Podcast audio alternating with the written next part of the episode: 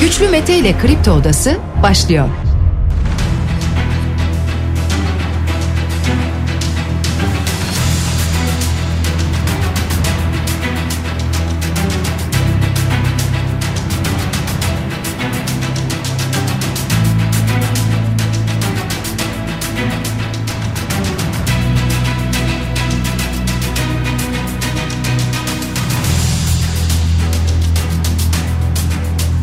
30 Ocak pazartesi sabahından Kafa Radyo'dan Kripto Odası'ndan tüm Türkiye'ye yurt dışında bizi dinleyen dinleyicilerimize günaydın. Hepinize sağlıklı ve güzel bir gün dileyerek her sabah olduğu gibi programımıza başlıyoruz. Bugün de Kripto Odası'nda saat 10'a dek sizlerle birlikte olacağız. Gündemdeki başlıkları değerlendireceğiz. Sizler de görüşlerinizle fikirlerinizle programa katılmak isterseniz Twitter üzerinden güçlü mete yazarak bana ulaşabilirsiniz. WhatsApp hattımızın numarası 0532 172 52 32. Hemen gündemdeki başlıklarla başlıyoruz. Cumhurbaşkanı Erdoğan'ın birçok konuda açıklamaları, mesajları oldu sevgili dinleyiciler. Milletim beni hem aday hem cumhurbaşkanı yapacak dedi. Altılı masaya seslendi. İsveç'e mesajları vardı Cumhurbaşkanı'nın birazdan bunlara yer vereceğiz. Kemal Kılıçdaroğlu'ndan adaylığa ilişkin bir açıklama. Adayın ne zaman açıklanacağına dair bir tarih geldi. 13 Şubat tarihi. 13 Şubat tarihi işaret edildi ve aynı zamanda bugün altılı masanın bir toplantısı daha doğrusu bir açıklaması olacak. Ortak politikalar mutabakat metni açıklanacak bugün Ankara'da. Devam ediyoruz. Devlet Bahçeli Cumhurbaşkanı Erdoğan'ın adaylığının hukuki ve ahlaki olduğunu ifade etti Meral Akşener Erdoğan'ın üçüncü defa seçilmesi imkansızdır diye bir açıklama yaptı. Şimdi yine hem siyasi hem hukuki bir tartışma başladı bir süredir devam ediyor. Ankara Büyükşehir Belediye Başkanı Mansur Yavaş'tan bir açıklama vardı. Eski belediyenin yani eski yönetimin veya öyle söyleyelim bırakmış olduğu 4 milyar lira borcun ödendiğini ifade etti Mansur Yavaş sevgili dinleyiciler. Ekrem İmamoğlu'ndan da mesajlar var aynı zamanda bunlara da önümüzdeki dakikalarda programda yer vereceğiz. EYT'liler ne yapabilirler? Şimdi öncelikle şunu söyleyelim meclise bugün gelmesi bekleniyor.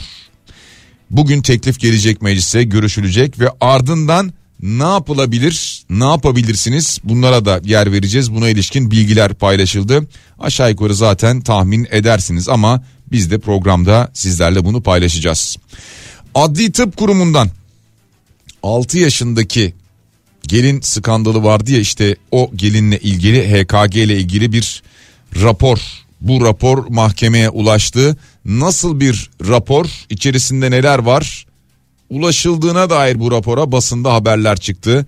Bunlardan da bahsedeceğiz birazdan ki ilk duruşma bugün görülecek bu konuya ilişkin bu olaya ilişkin hatırlatalım. Muhsin Yazıcıoğlu davasında verilen beraat kararı vardı ki bu beraat kararı istinaf tarafından bozuldu sevgili dinleyiciler. Bu sabah Nihat da anlatıyordu antidepresanların kullanımı arttı Türkiye'de neden arttığını belki tahmin edersiniz ama ciddi anlamda yüzde 65 civarında bir artış var antidepresanda Ciro'da özellikle. Akdeniz'de 4.4 büyüklüğünde bir deprem meydana gelmişti. Sarsıntı Hatay'da da hissedildi ancak olumsuz bir sonuç ya da ihbar yok. İşin sevindirici kısmı bu. İstanbul'da hava kirliliğinin en yüksek olduğu ilçeler, merkezler daha doğrusu belirlendi. Hangi ilçeler hangi merkezler var önümüzdeki dakikalarda bakacağız. Bir yandan soğuk hava gelmeye başladı. Kar yağışları başladı sevgili dinleyiciler.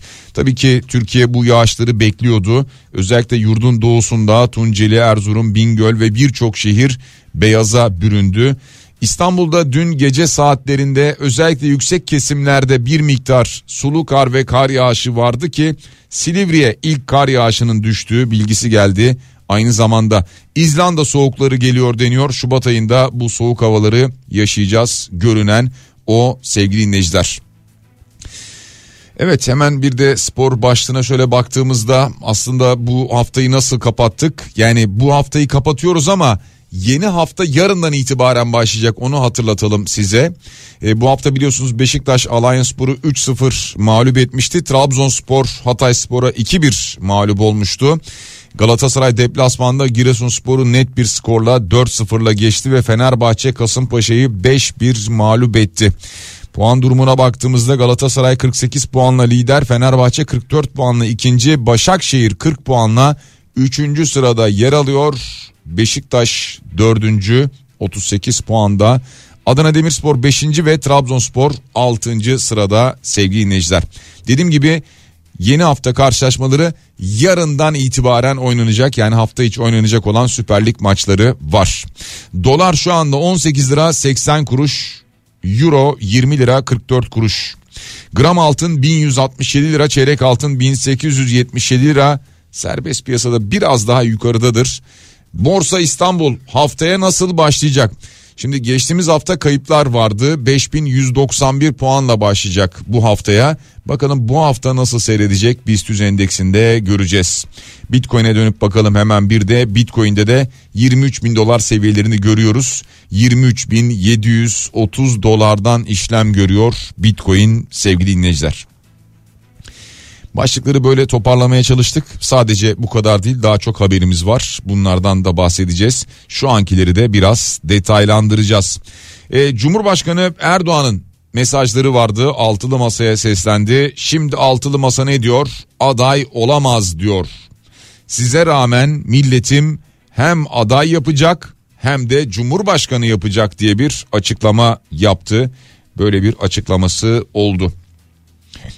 Ve diyor ki tabii o zaman kilonuz da ortaya çıkacak. Bakalım kaç kilosunuz dedi. Böyle seslendi altılı masaya Cumhurbaşkanı.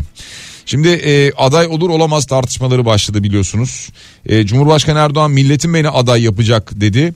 Tabii yani burada e, adaylığını AK Parti açıklayacaktır muhtemelen. Zaten daha önceden de söylenmişti ama resmi bir şekilde. E, belki de hukuki bir takım yollar, prosedürler bunlara bakılıyor. Bunlar aranıyor bir yandan. E, bir yandan muhalefet diyor ki hayır aday olamaz. Çünkü bir kişi üç kez aday olamaz. Cumhurbaşkanı seçilemez. O nedenle aday olamaz. Ee, AK Parti kanadı veya MHP kanadı diyor ki hayır yeni sistemde zaten bir kez seçilmişti şimdi ikinci kez girecek seçime dolayısıyla çok rahat bir şekilde aday olabilir deniyor. Da aslına bakarsanız hukukta bir sonuç çıkmalı ortaya işte o sonuç çıkmıyor. Yani bir tarafta bakıyorsunuz bazı hukukçular diyorlar ki aday olamaz. Bir tarafta bazı hukukçular diyorlar ki çok rahat aday olur bir problem yok. E sonuç yani sonuca kim karar verecek? Yüksek Seçim Kurulu mu? İşte o noktada Kemal Kılıçdaroğlu'nun itirazı vardı biliyorsunuz. Biz itirazı nereye yapacağız? YSK'ya mı? YSK nasıl bir karar alacak? Belli zaten diyordu. Şimdi bir yandan bu tartışma devam ediyor. Bir yandan şunu da söyleyelim. E, dün Erdoğan'ın vermiş olduğu İsveç mesajları vardı ki İsveç'le biliyorsunuz Türkiye'nin ilişkileri son dönemde hiç iyi değil. E, diyor ki bizi 20 30 40 yıl önceki Türkiye zannediyorlar diyor. İcabında Finlandiya ile ilgili farklı bir mesaj verebiliriz. İsveç şok olacak dedi. Ya muhtemelen burada şunu işaret etti. NATO üyeliği konusunda Finlandiya'ya evet diyebilir Türkiye. İsveç'e veto kartını çıkartır. Dolayısıyla İsveç şok olur. Yani İsveç anca böyle şok olur. Finlandiya ile ilgili eğer Türkiye böyle bir şey düşünüyorsa ki Finlandiya ile ilgili farklı bir mesaj verdiğimiz zaman şok olacak dediğine göre Cumhurbaşkanı Türkiye böyle bir şey planlıyor demek ki. Finlandiya ile biraz daha daha ılık gidiyor süreç öyle söyleyeyim. Çok sıcak diyemeyiz. E, Finlandiya'da da e, problem var çünkü. Ee, İsveç'ten gelen e, haberler var bir yandan. E, işte basın içerisinden gelen haberler var mesela. E, genel itibariyle son dönemde bir fırtına estiği yönünde Türkiye ile İsveç arasında e, NATO sürecinin raydan çıktığı yönünde gelen haberler oluyor. İsveç'te bunları haberleştiriyor kendi içerisinde. Şimdi diyeceksiniz ki siz İsveç'i onu bunu bırakın da şu EYT'ye bir bakın. E, EYT'ye bakalım. Yani EYT ile ilgili teklif bugün meclise geliyor Geçtiğimiz hafta biliyorsunuz imzaya açılmıştı ve AK Partili milletvekilleri imzalamışlardı. Şimdi teklif olarak meclise gelecek, mecliste görüşülecek. Ee, ama yani şu ana kadar gelenlerden farklı bir adım olmayacak. Anlaşılan o. E tabi staj yapanlar diyorlar ki staj dönemi de sayılsın mesela.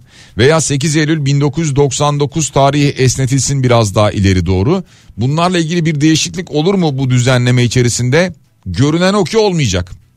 Ama bilemiyorum neticede mecliste son halini alacak şekillenecek. Şimdi öncelikle ne yapmanız gerekiyor diye haberler var ama öncelikle bir defa bana kalırsa yasanın geçmesi gerekiyor. Yani yasa geçtikten sonra ancak anlayacağız ne yapmamız gerektiğini. E tabii ki e, en önemlisi bir defa e, EYT durumunuzu öğrenmeniz lazım. Yani 8 Eylül 1999 tarihinden önce sigortalı mısınız? Buna bakmanız lazım. İşte 5000 günlük prim ödemesi tamamlanmış mı? Ee, kadınlar için 20 erkekler için 25 yıl sigortalılık süresi var. İşte Bağkur emekli sandığı bunların farkları var. Bunların günleriyle ilgili farkları var. Statünüzü buradan kontrol edebilirsiniz yine. SSK Bağkur emekli sandığı hangisinden emekli olacaksınız? E, bunu buradan görebilirsiniz. E, eksik günleriniz varsa doğum, askerlik, yurt dışı borçlanma gibi bu eksik günleri tamamlayabilirsiniz. Kaldı ki bu prim borçları için insanlar sürekli biliyorsunuz SGK'da kuyruklar oluşturuyorlar. Halen daha gidiyor insanlar bu borçlanmaları yapmaya çalışıyorlar emekli olabilmek için.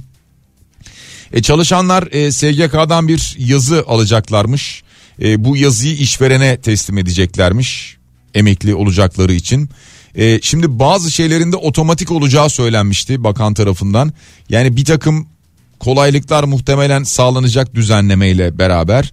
E, kod 8 ile emekliliğe ayrılmak gerekiyormuş. Yani işten çıkış işleminin kod 8 ile olması gerekiyormuş ki e, işverenlerin bunu bir yandan takip etmesi lazım. Ardından çünkü emeklilik için başvuru gerçekleştirilebilecek. Emeklilik başvurusunu bu şekilde yapabileceksiniz. Yine yine iddia o ki SGK'ya emeklilik başvurusunda bulunacaksınız. Bütün bunlardan sonra il ilçe SGK emeklilik başvurusuna açık olacak. Ama E-Devlet'ten de yine emeklilik başvurusu talep formu doldurulabilecek deniyor. Onu da hatırlatalım. Ama bir kez daha söylüyorum bunlar şu anki durumda yasa daha çıkmadı meclisten geçmedi bir farklı düzenleme olur ee, bir şeyler ilave edilir bir şeyler çıkartılır teknik olarak bir düzenleme yapılır bunların e, hepsi yasa geçtikten sonra daha da net bir şekilde ortaya çıkacak altını çizerek hatırlatalım. E, tabii bir de diyorlar ki emeklilik sonrasını konuşun işverenle. Yani işe devam edecek misiniz, etmeyecek misiniz? E, çalışma koşullarınız ne olacak? Emeklilik e, sonrasını da işvereninizle konuşmanızda fayda var. Devam ediyoruz. Şimdi e, altılı masanın adayı merak konusu. Yani Türkiye'de aslında birkaç konu var merak konusu ama aşağı yukarı cevapları belli sanki değil mi? E, bir tanesi işte acaba Erdoğan aday olabilir mi olamaz mı tartışması hani cevabı belli derken e, muhtemelen olacak normal Türkiye yani Türkiye normali demeyeyim de veya nasıl söyleyeyim e, son yıllarda alıştığımız normalden bahsediyorum e, olacak gibi görünüyor. Altılı masanın adayı kim olacak ne zaman açıklanacak sanki orada da Kemal Kılıçdaroğlu olacak gibi görünüyor. Şimdi görünüyor da göreceğiz. Şimdi bugün e, bir toplantı var. Bugün altılı masa bir araya geliyor ve bir basın toplantısı düzenliyor. Ortak politikalar mutabakat metni üzerinde de bir anlaşma sağlanmıştı çünkü. Şimdi bu ortak program açıklanacak. Yani ittifak olarak nasıl yola devam edecekler? Seçildikleri zaman, seçildikleri takdirde ne yapacaklar? Nasıl bir süreç olacak? Ee, Baya yoğun ve kalınca bir eylem maddesi sıralanacak deniyor buna ilişkin. Bugün saat 11.30'da gerçekleşecek bu basın toplantısı ve buradan bu maddeler çıkacak. Ardından tabii ki hepsi masaya yatırılacaktır. Bunlar işte e, ne kadar faydalıdır, değildir, uygulanabilir, uygulanamaz. Ama altılı masa ısrarla şunu söylüyor. Bizim için önemli olan şey bu ortak politikalar mutabakat metni. Kimin olacağı önemli değil adayın. A olur, B olur, C olur. Neticede bu metne göre bu mutabakata göre ilerleyecek olan bir aday olacak diyor altılı masa. Peki ne zaman açıklanacak? 13 Şubat'ta adayımızı açıklayacağız dedi. Böyle bir açıklama yaptı. Halk TV'de konuştu Kemal Kılıçdaroğlu. Ee, daha önce net bir tarih söylenmemişti. Ama geçtiğimiz hafta da bir ara gündeme gelmişti. 13 Şubat olabilir diye. Ee, tabii nasıl bir açıklama olacak onu bilmiyoruz. Yani bir basın toplantısıyla mı gerçekleşecek bu açıklama? Yoksa bir ara böyle çeşitli duyumlar vardı. Bir mitingle gerçekleşecek deniyordu. Bir mitingle mi gerçekleşecek e, bu açıklama? Yani daha köpürtülerek mi verilecek? Bunu göreceğiz bu önümüzdeki süreç bize bunu gösterecek ama şurada 13 Şubat'a da aslına bakarsanız hiçbir şey kalmadı. Önümüzde bir 14 günlük süreç var. Devam ediyoruz. Devlet Bahçeli diyor ki Türkiye'nin kader seçimlerinin eşiğindeyiz. Şimdi söz sizdedir diyor. Ve bu adaylık tartışmasına ilişkin Cumhurbaşkanı Erdoğan'ın adaylığının hukuki ve ahlaki olduğunu söylüyor Devlet Bahçeli aynı zamanda. Meral Akşener Erdoğan'ın üçüncü defa seçilmesi imkansız diyor. Seçimlerde aday olamaz diyor. Böyle bir açıklama yaptı. Ankara İl Kongresi vardı. İyi Parti'nin orada çok net bu mesajları verdi. Diyor ki bu ülkede o ucube sistem tek adamlık hakim oldu. O da yetmedi üçüncü kez aday olması mümkün değilken Cumhurbaşkanı yine aday olarak hukuku, yargıyı yeni baştan hava gazı hale getirerek başka bir düzeneğin içine girdiler. Liyakatin, bilmenin ve bu ülkeye bağlılığın önemli olmadığı, tek adamlığın her şeyden üstün olduğu bir yönetimle karşı karşıyayız dedi. Bu şekilde eleştirdi ve üçüncü kez aday olamayacağını söyledi Erdoğan. Ee, Cumhurbaşkanı Erdoğan'ın da mesajı şöyleydi biliyorsunuz tekrar başa dönüp bir hatırlatalım. Dedi ki size rağmen milletim hem aday yapacak hem de cumhurbaşkanı yapacak dedi. Yani millet de bu adaylığı istiyor, isteyecek. Bunun baskısını hissedeceksiniz manasında söylüyor diye düşünüyoruz. Yine Meral Akşener'e dönelim. Başbakan olacağım ben diyor. Siz yapacaksınız ama öncelikle milletimizi kurtaracağız diyor. E, biliyorsunuz Meral Akşener ilk günden bu yana e, Cumhurbaşkanlığına aday olmadığını, e, başbakan olacağını söylüyordu. Başbakan olmak istediğini söylüyordu. Çünkü parlamenter sisteme geri dönülecek. Cumhurbaşkanının yetkileri yine eski sistem gibi biraz daha azaltılacak ve yine icracı olan başbakan olacak. O nedenle Meral Akşener de kendisinin başbakan olmak istediğini ifade ediyordu. Tabi bu bir geçiş süreci. Bu geçiş süreci içerisinde neler yapılacağı da bu ortak mutabakat metniyle beraber açıklanacak. Bu bir sene mi sürecek, üç sene mi sürecek, bir dönem mi sürecek? Yani Cumhurbaşkanlığı hükümet sistemi. Bazı adımları daha hızlı atabilmek adına bu sistem biraz devam edecek. Ardından parlamenter sisteme bir geçiş sağlanacak ki dediğim gibi o bir dönem sürer mi yoksa iki senede bu işi çözeriz mi diyecekler biraz daha netleşecek. Cezaevinde bulunan eski HDP eş genel başkanı Figen Yüksekdağ'dan gelen bir açıklama var. Diyor ki artık ortak aday sorusunun tek muhatabı altılı masadır diyor. Böyle bir açıklama yapıyor. Ee, ve aynı zamanda HDP'yi muhatap almadıklarını söylüyor altılı masanın. Ee, ve bir oy deposu olarak gören yaklaşımın doğru olmadığını ifade edip HDP'nin de içinde bulunduğu ittifakın kendi adayını çıkartmasının doğru bir karar olduğunu söylüyor aynı zamanda. O kanattan gelen öyle bir haber var. Devam ediyoruz sevgili dinleyiciler. İçişleri Bakanı Süleyman Soylu'nun açıklamaları oldu. Ee, işte son dönemde yaşanan olaylarla ilgili çıldırıyorlar tabii diyor. Niçin? Gabar'da petrol buluyoruz. Bingöl'de demir cevheri çıkarıyoruz. Bilecik'te altın madeni buluyoruz. Sakarya'da Karadeniz gaz sahasında gaz çıktığını gördükten sonra biz bu Türkiye'yi nasıl durduracağız diye dövünüyorlar, çıldırıyorlar, sapıtıyorlar diyor. Yapmış olduğu açıklamada İçişleri Bakanı Süleyman Soylu. Ve Ekrem İmamoğlu Bilecik'te konuştu. Geçtiğimiz günlerde biliyorsunuz e, Cumhurbaşkanı Erdoğan da oradaydı e, ve Vali Kemal Kızılkaya'yı azarlamıştı. Onun üslubuna tepki gösterdi. Erdoğan'ın taklidini yaptı bir anlamda. Nezaketin altını çizdi ve devleti küçültmeyin dedi. Böyle bir mesaj verdi. Ee, Erdoğan biliyorsunuz işte ben sana Söğüt, Bozüğüt arasını sormuyorum. Şu anda sıkıntılı bozuk olan yer neresi Vali Bey? Sen bana başka şeyler anlatıyorsun demişti. Buna ilişkin devleti küçültmeyin dedi. Böyle bir açıklama yaptı. Aynı zamanda Ekrem İmamoğlu konuşurken işte bu ayakkabı yalama konusuna ilişkin sağdan soldan dinleyiciler arasından laf atılınca onu tariflerken bile diyemem. Ayakkabı deyince aklımıza çok şey geliyor dedi. Ve bu işte 17-25 Aralık dönemindeki ayakkabı kutularında bulunan paralara da bir gönderme yaptı Ekrem İmamoğlu yapmış olduğu bu konuşmada.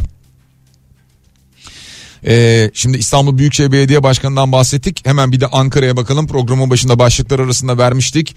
Mansur Yavaş'tan gelen bir açıklama vardı ki bazısı 3 yıl ödemesiz yani kendilerinden sonraki döneme bıraktıkları faizli borçlar da dahil 4 milyar lira civarında faizli borçlarını ödedik şikayette etmiyoruz dedi. Böyle bir açıklama yaptı Ankara Büyükşehir Belediye Başkanı. Ankaralılar 4 milyar lira borç ödemiş belediye. Eski dönemden gelen 4 milyar lira borç. borç.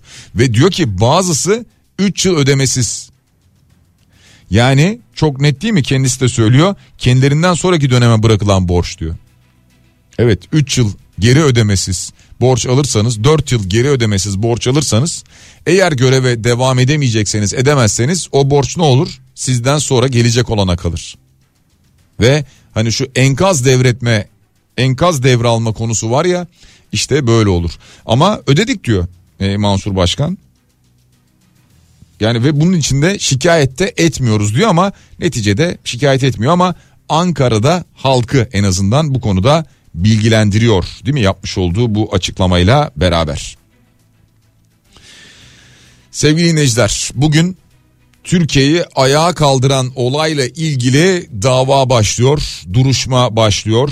6 yaşındaki gelin skandalı. Şimdi ilk duruşma bugün gerçekleştirilecek. Duruşma öncesi bir adli tıp raporunun mahkemeye ulaştığı bilgisi var. Şimdi bu rapora baktığımızda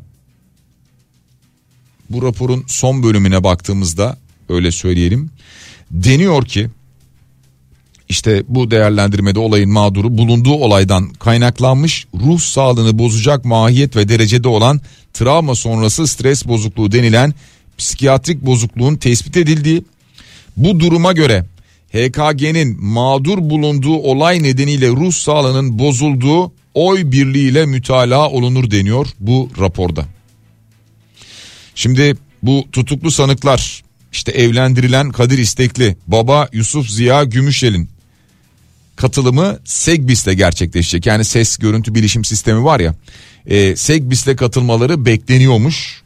Aynı zamanda bu duruşmaya İstanbul Barası Kadın Hakları Merkezi, İstanbul Barası Çocuk Hakları Merkezi, UCİM Saadet Öğretmen Çocuk İstismarı ile Mücadele Derneği onlar da katılıyorlar.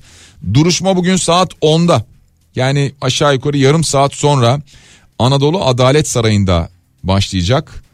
Geniş güvenlik önlemleri alınması da bekleniyor deniyordu aynı zamanda. Şimdi 67 yıl bir hapis cezası isteniyor Kadir İstekli ile ilgili evlendirilen kişiyle ilgili 67 yıl 10 ay 15 gün hapis cezası ve baba Yusuf Ziya Gümüşel ve anne Fatıma Gümüşel hakkında da 22 yıl 6 ay hapis cezası isteniyor sevgili dinleyiciler. Ee, konu 2012 yılında ilk kez yargıya ulaşmıştı hatırlayacak olursanız. Daha sonradan bütün bunlar ortaya çıktı. Fakat takipsizlik kararı çıkmıştı. 14 yaşında olan kızın kemik testine başka birisinin sokulduğu bilgileri vardı. 21 yaşındaymış gibi gösterilmişti. Dosya kapatılmıştı. Hatırlayacak olursanız bunları hep konuşmuştuk, anlatmıştık. 14 yaşında kendisine düğün yapıldığını söylüyordu HKG zaten. O tarihlerde 14 yaşında olduğunu ifade ediyordu. Ee, annesinin düğünde sakın ağlama ağladığını görmeyeceğim dediğini söylüyordu. 14 yaşındaki bir kız çocuğundan bahsediyoruz. Daha sonra ben rahatsızlanınca diyor beni kadın doğum polikliniğine götürdüler. Evli olduğumu annem ağzından kaçırınca doktor oraya polis çağırdı karakola gittik ifadelerimiz alındı. Benim yerime annem ve Kadir ifade verdi. Yaşımın normalde büyük olduğunu ancak küçük yazıldığını söylemişler. Kemik testi için odaya gittiğimde içeride bir kız filmi çekiliyordu. Ben ondan sonra filmin çekileceğini düşündüm ama içerideki kız filmi çekilince ikimizi birden dışarı çıkardılar. Ben neden bir şey yapılmadı diye sordum. Sessiz ol sonra konuşuruz kimse duymasın dedi Kadir bana. Sonra öğrendiğime göre o kızın kemik testi benim kemik testimmiş gibi göstermişler. Dosya o şekilde kapandı diyor yıllar öncesinde.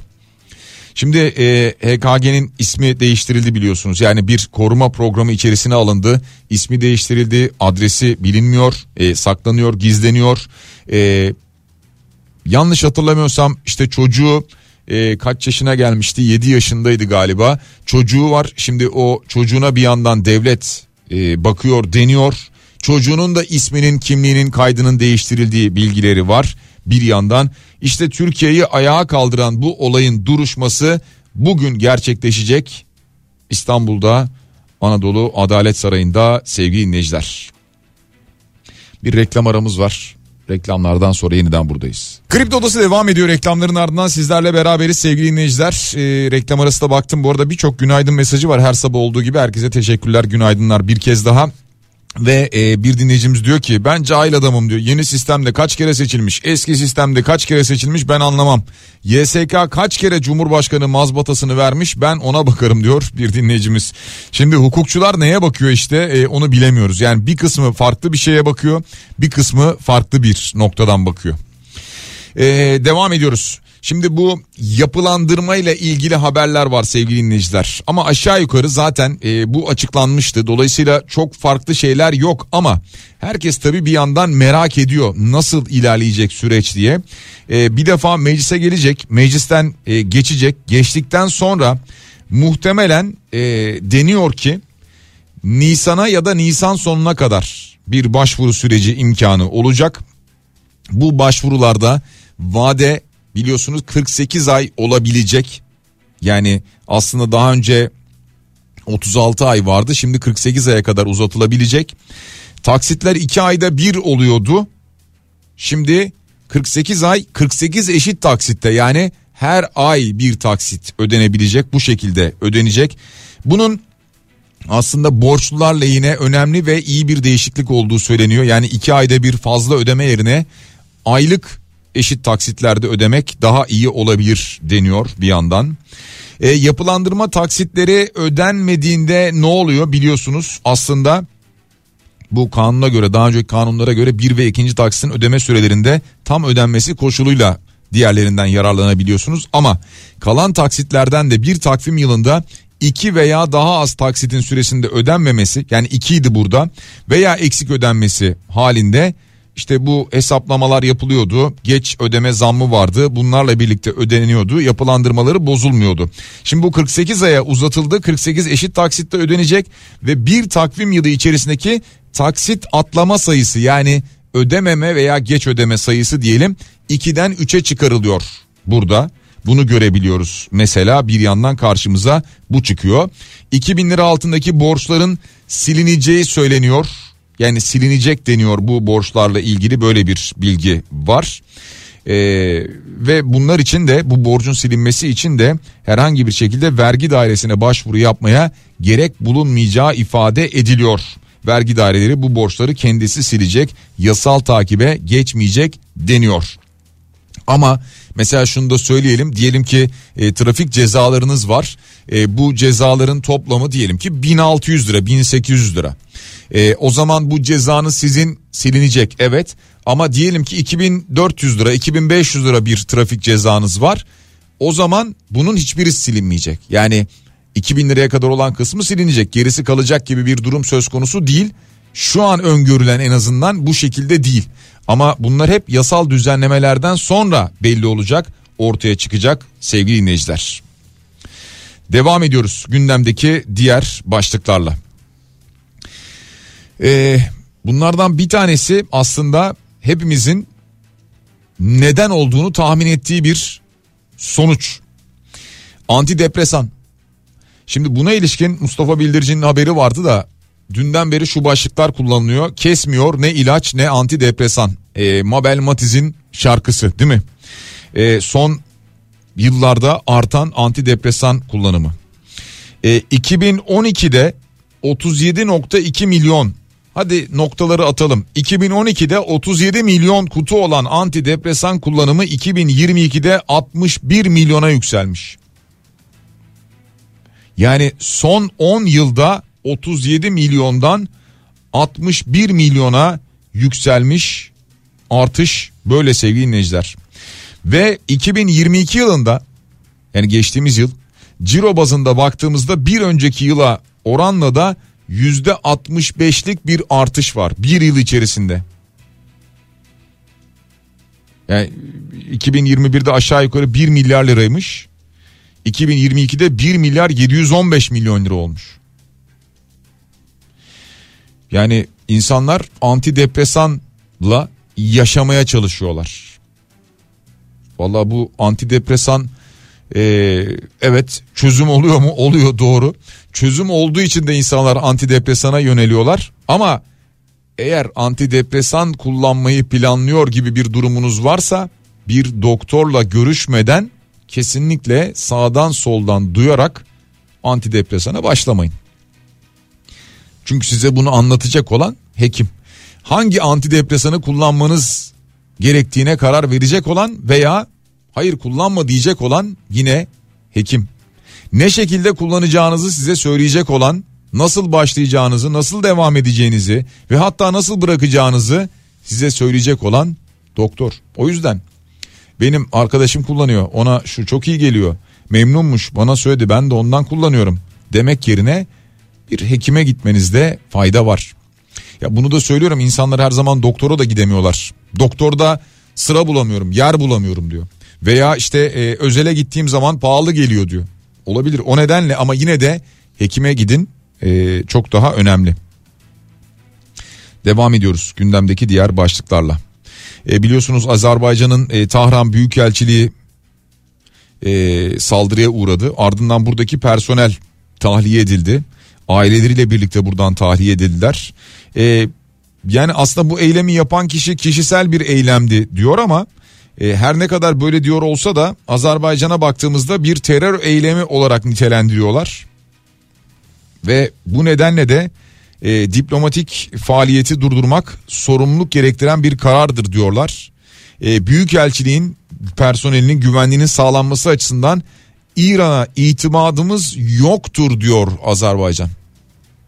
Yani Azerbaycan'ın Dışişleri Bakan Yardımcısı söylüyor bunu. İran'a itimadımız yok bu konuda diyor ve o yüzden aileleri tahliye ediyorlar ki zaten e, uçakla Azerbaycan'a indiklerine dair görüntüler de bir yandan paylaşılmıştı. Tabii ki bu saldırı halen daha şu anda soruşturuluyor, araştırılıyor.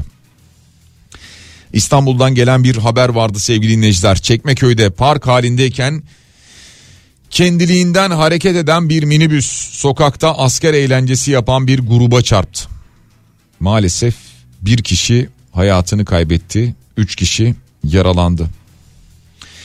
Ee, yani ne denebilir bilmiyorum bu durumla ilgili de. Hani zaman zaman böyle bir takım eğlenceler sırasında işte kazalar vesaire falan onlar oluyor da şimdi burada bir işte asker uğurlaması kutlaması yapılıyor ama kendiliğinden park halindeyken hareket eden minibüs bu kutlamanın arasına dalıyor. Yani muhakkak e, olay soruşturuluyor, araştırılıyor, e, bakılıyor bunlar minibüsün sahibi gözaltına alınmış vesaire falan bunların hepsine bakılacak ama giden can gitti. Üçte yaralı var. Allah'tan rahmet diliyoruz yakınlarına sabır diliyoruz ama e, Türkiye'de maalesef bu tip olaylara çok alışığız sanki öyle değil mi? Yani her an her yerde bir şey olabilir. Eve akşam sağ salim dönüyorsanız mucize gibi. Akdeniz'de 4.4 büyüklüğünde bir deprem meydana gelmişti sevgili dinleyiciler. Dün akşam saatlerinde meydana geldi bu deprem saat 19-12 sularında. Özellikle Hatay'da yoğun bir şekilde hissedildiği bilgisi vardı ki e, geçmiş olsun dileklerimizi e, iletelim hissedenlere. Şimdi önümüzde e, bir seçim var ya biz zaman zaman bu deprem konusunu deprem olmadığı günlerde de konuşuyoruz biliyorsunuz. E, önümüzde bir seçim var ya seçimle ilgili e, acaba hangi siyasi partinin partilerin gündeminde yoğun bir şekilde yer tutacak deprem konusu merak ediyorum. Yani bu konuyla ilgili kimler ne gibi çalışmalar yapıyorlar buna dair nasıl açıklamalar gelecek? Ne gibi tedbirler planlanıyor? İşte şimdi mesela açıklanacak olan yani mutabakat metninde belki yer almayabilir ama açıklanacak olan e, programlar olacak. Bunlar içerisinde neresinde yer alacak deprem? Depremin böyle ya depreme yer vermiş olalım da şurada bir yerde dursun şeklinde açıklanmasına değil depremin temel konulardan birisi olmasına ihtiyacımız var. Ya şu an deprem yok ya sallanmadık ya bu konuyu da çok sallamıyoruz değil mi? Ancak ve ancak ne zaman sallayacağız bu konuyu? Şöyle bir sallanacağız. İnşallah kimseye bir şey olmayacak ama şöyle bir sallanacağız. Ondan sonra birdenbire aa deprem gerçeği vardı değil mi ülkede diyeceğiz kendi kendimize. Ki son dönemde yani İstanbul değil ama e, birçok yerden deprem haberi geliyor. Son en çok biliyorsunuz Ege'yi konuştuk. İzmir üst üste sallandı Çanakkale hep oralardan deprem haberleri geldi. Akdeniz'den deprem haberleri geliyor. Ama İstanbul sallanmadı ya. E, basının merkezi medyanın merkezi İstanbul ya İstanbul sallanmayınca çok fazla haber olmuyor. Haber olmayınca da kimsenin umurunda olmuyor. Şimdi diyoruz ki aman boş ver bir de onunla mı uğraşacağız yani? Ya bin tane sıkıntımız var problemimiz var. Biz kendi cebimizin derdindeyiz bir yandan depremle mi uğraşalım? Ee, uğraşmamız lazım. Yani biz kişisel olarak bakacağız kendimizi nasıl koruruz kollarız diye. Devlet de yöneticiler de oturacaklar kendi hesaplarını yapacaklar bu ülke için bu millet için. Yarın öbür gün deprem olduğunda deprem olduktan sonra biz işte e, efendim ceset torbalarını hazırlarız her şeyi düzenleriz e, devlet büyüktür e, hemen e, işte mağdurun yanına koşar demek yerine öncesinde bu büyüklüğü göstermek gerekiyor. Yoksa sonra daha çok konuşuruz biz bunları. Ah ah vah vah tüh tüh işte yok bina mı öyleydi zemin mi böyleydi işte yok e, binanın e, etüdü mü yapılmamış o mu olmamış bu mu olmamış diye daha çok konuşuruz. Depremle ilgili uzmanlar çıkıyorlar sürekli anlatıyorlar. E, geçtiğimiz günlerde yine Naci Hoca'nın Profesör Doktor Naci Görür'ün e, açıklamaları vardı. Burada yayında da paylaştık yani. Dilimde tüy bitti diyor. Artık diyor ne demişti en son unuttum ama hani delireceğim çıldıracağım gibi bir şey söylüyordu. Ya tedbir alınmıyor ki. Bakın siz de unuttunuz. Yani siz derken siz biz hepimiz kendimizden de bahsediyorum. O hazırlanan deprem çantaları vesaireler işte deprem olduğu anda nerede buluşuruz ne yaparız e, mahallenizdeki deprem alanları şey bu işte güvenli alanlar konteynerlar falan ne oldu bunların hepsini unuttuk. Ama uzmanlar diyor ki sürekli beklenen büyük Marmara depremi var bu olacak. Ha ne zaman olacak? Olacak. Yani bugün mü olur yarın mı olur bir hafta sonra mı bir sene sonra mı beş sene sonra mı olur ama olacak. Bizim derdimiz şu. Mesela Ege'de deprem oluyor. Biz diyoruz ki acaba İstanbul'daki depremi tetikler mi? Hep değil mi? Derdimiz bu. Van'da deprem oluyor. Kuzey Marmara e, fay hattı bundan etkilenir mi acaba? E, bu Marmara depremini tetikler mi? Hep sorular bunlar. Aman bize bir şey olmasın. Aman bu bölgeye bir şey olmasın. Tabii bu bölge önemli bir bölge. Yani ekonominin kalbi. E, Türkiye'nin büyük nüfusu burada yaşıyor. Yani burada bir şey olması tabii ki bütün Türkiye'yi inanılmaz derecede olumsuz etkiler. Yani giden canların ötesinde ayrıca yine birçok probleme sebep olur. Ha biz bunları konuşuyor muyuz? Ya biz konuşuyoruz yayında falan da o değil. Önemli olan bunlarla ilgili bundan sonra ne yapacak yöneticiler?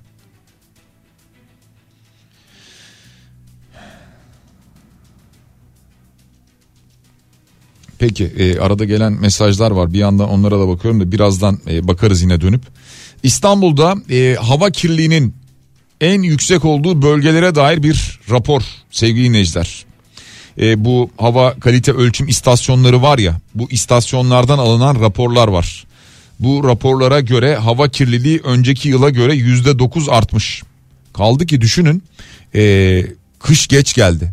Yani o işte kaloriferleri falan geç yaktık. Doğal gaz kullanıyoruz mümkün olduğunca değil mi? Buna rağmen geçtiğimiz yıla göre yüzde dokuz artan bir hava kirliliği var. Hava kirliliğinin en fazla ölçüldüğü istasyon Göztepe istasyonu olmuş İstanbul'da. Daha sonra Sultan Gazi, daha sonra Esenyurt istasyonu gelmiş bunun arkasından. En az ölçülen istasyon Kandilli 1 istasyonu olmuş. Yine daha sonrasında baktığımızda en azlardan birisi Büyükada, bir diğeri Sarıyer, bir diğeri Şile istasyonu. Ya bunlarda daha az ölçülmüş hava kirliliği. Ama genel itibariyle bakıldığında geçen yıla göre daha doğrusu şöyle söyleyelim 2022 ve 2021 kıyaslaması bu. 2022'de önceki yıla göre 25 istasyonda artmış hava kirliliği. 9 istasyonda azalmış sadece. Ee, bir yandan hava kirliliği artıyor. Ee, uzmanlar zaman zaman uyarıyorlar biliyorsunuz. Özellikle e, nefesle ilgili, e, ciğerleriyle ilgili problem yaşayanlar ve astım hastaları onları zaman zaman uyarıyorlar. Hava kirliliğinin arttığı dönemlerde dışarı çıkmamaları ya da maskesiz çıkmamaları konusunda uyarılarda bulunuyorlar. Peki bir dinleyicimiz yazmış diyor ki ben ilk antidepresanımı Ceren Özdemir cinayetinden sonra girdiğim bunalım sonucu doktor tavsiyesiyle aldım. Sonra kendimi toparlayamadım. Doktoruma ben mi çok hassasım diye sorduğumda o cinayet sonrası bu hastaneye kaç kadın geldi bilemezsiniz. Kendinizi yalnız hissetmeyin aşacağız güvenin demişti diyor. Evet bir de e, Türkiye'de yaşanan bu tip olaylar yani e, sadece kadın cinayetleri değil ama işte vahşi olaylar, cinayetler bütün bunları gördükten sonra insanların psikolojileri bozuluyor. İşte mesela bir örnek bir dinleyicimiz mesaj göndermiş. İstanbul Esenler'de yeni bir haber. Yani bunları e, versek her gün böyle benzer haberler var. İstanbul Esenler'de eşi tarafından silahla vurulan kadın kaldırıldığı hastanede hayatını kaybetti. İstanbul Esenler'den yeni gelen bir haber sevgili dinleyiciler. Ağır yaralanıyor, hastaneye kaldırılıyor. Ancak maalesef hayatını kaybediyor. Bir kadın daha. Ya iddia o ki eşi tarafından öldürüldü ki aranıyormuş şu anda eş. E, ya muhtemelen yakalanır, yakalanacaktır bir iki gün içerisinde diye tahmin ediyorum ama bir kadın daha maalesef hayatından oldu. Hava durumunu soran dinleyicilerimiz var. E, hava durumu yani şu an için gelen bilgilere baktığımızda zaten görüyorsunuz yaşıyorsunuz. E, hava bir hayli soğumaya başladı. Ama özellikle e, yurdun doğusunda kar yağışı hakimdi.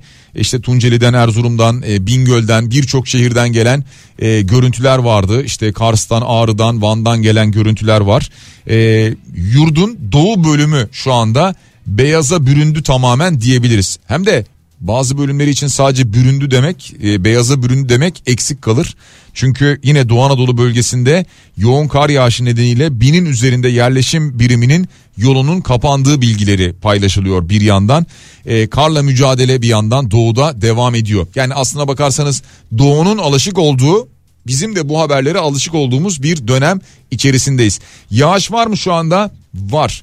Ee, şöyle söyleyelim özellikle e, yurdun kuzey kesimlerinde e, Trakya'da e, İstanbul'a baktığımızda İstanbul'da ağırlıklı olarak Anadolu yakasında ama Boğaz hattında yine bir yağış görünüyor. Karadeniz'e yakın bölgelerde. E, Doğu Karadeniz, Orta Karadeniz'in doğusu şu anda önümdeki haritadan görüyorum. Bir hayli yağışlı görünüyor. E, Akdeniz'de kısmen bir yağış var. E, daha çok e, Adana civarlarında e, Kıbrıs'ın hemen e, Kuzey Kıbrıs Türk Cumhuriyeti'nin hemen kuzeyinden başlayan bir yağış bölgesi bir kitlesi görüyoruz. E, kısmen de Güney Doğu Anadolu bölgesinde bir yağış var hatta e, Siirt'e kadar uzanıyor bu sistem sevgili dinleyiciler.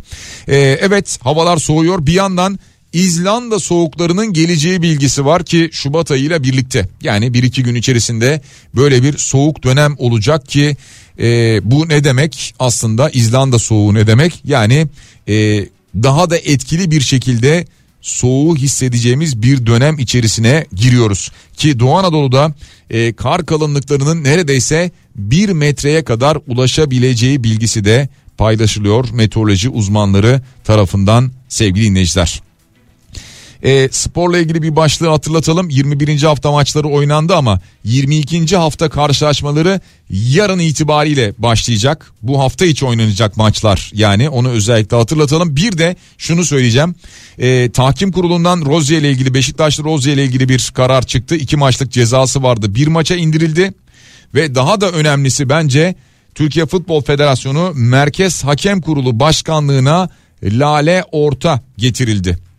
Ee, Merkez Hakem Kurulu Başkanlığına Profesör Doktor Lale Orta'nın getirildiğini duyurdu. Federasyon yapmış olduğu açıklamada biliyorsunuz Lale Orta Türkiye'nin ilk kadın futbol hakemi FIFA kartlı ilk kadın hakemlerinden birisi Profesör Doktor Lale Orta bu göreve başlıyor MHK'da.